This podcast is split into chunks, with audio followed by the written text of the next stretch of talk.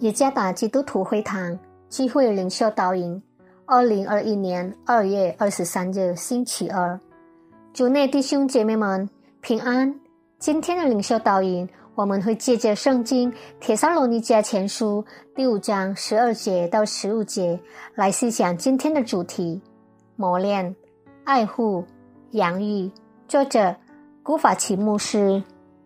铁沙罗尼迦前书第五章十二节到十五节，弟兄们，我们劝你们敬重那在你们中间劳苦的人，就是在主里面治理你们、劝诫你们的，又因他们所做的工，用爱心格外尊重他们。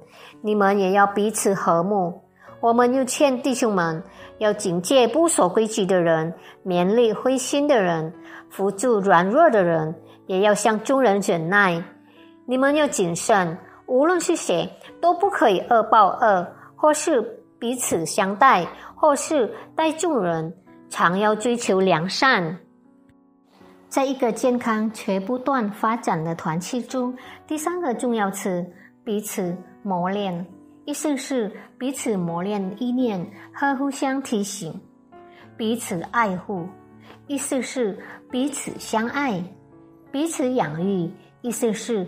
彼此引导对方，磨练、爱护、养育的原则，在上帝的真理中也强调这事。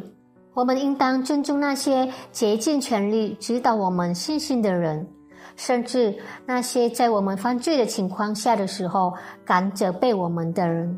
我们应当尊重他们，同时。我们也有义务帮助那些信心软弱的人，劝告那些生活不遵守规矩的人。这两种行为都必须基于爱。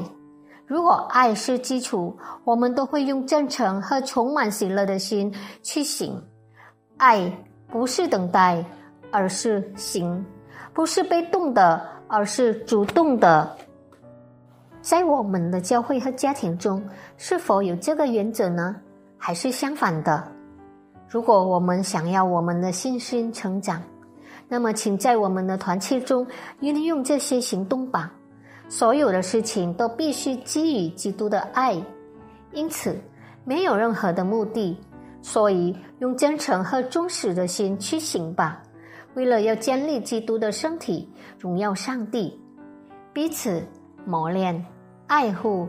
养育在基督徒的团契中是很重要的，清醒吧！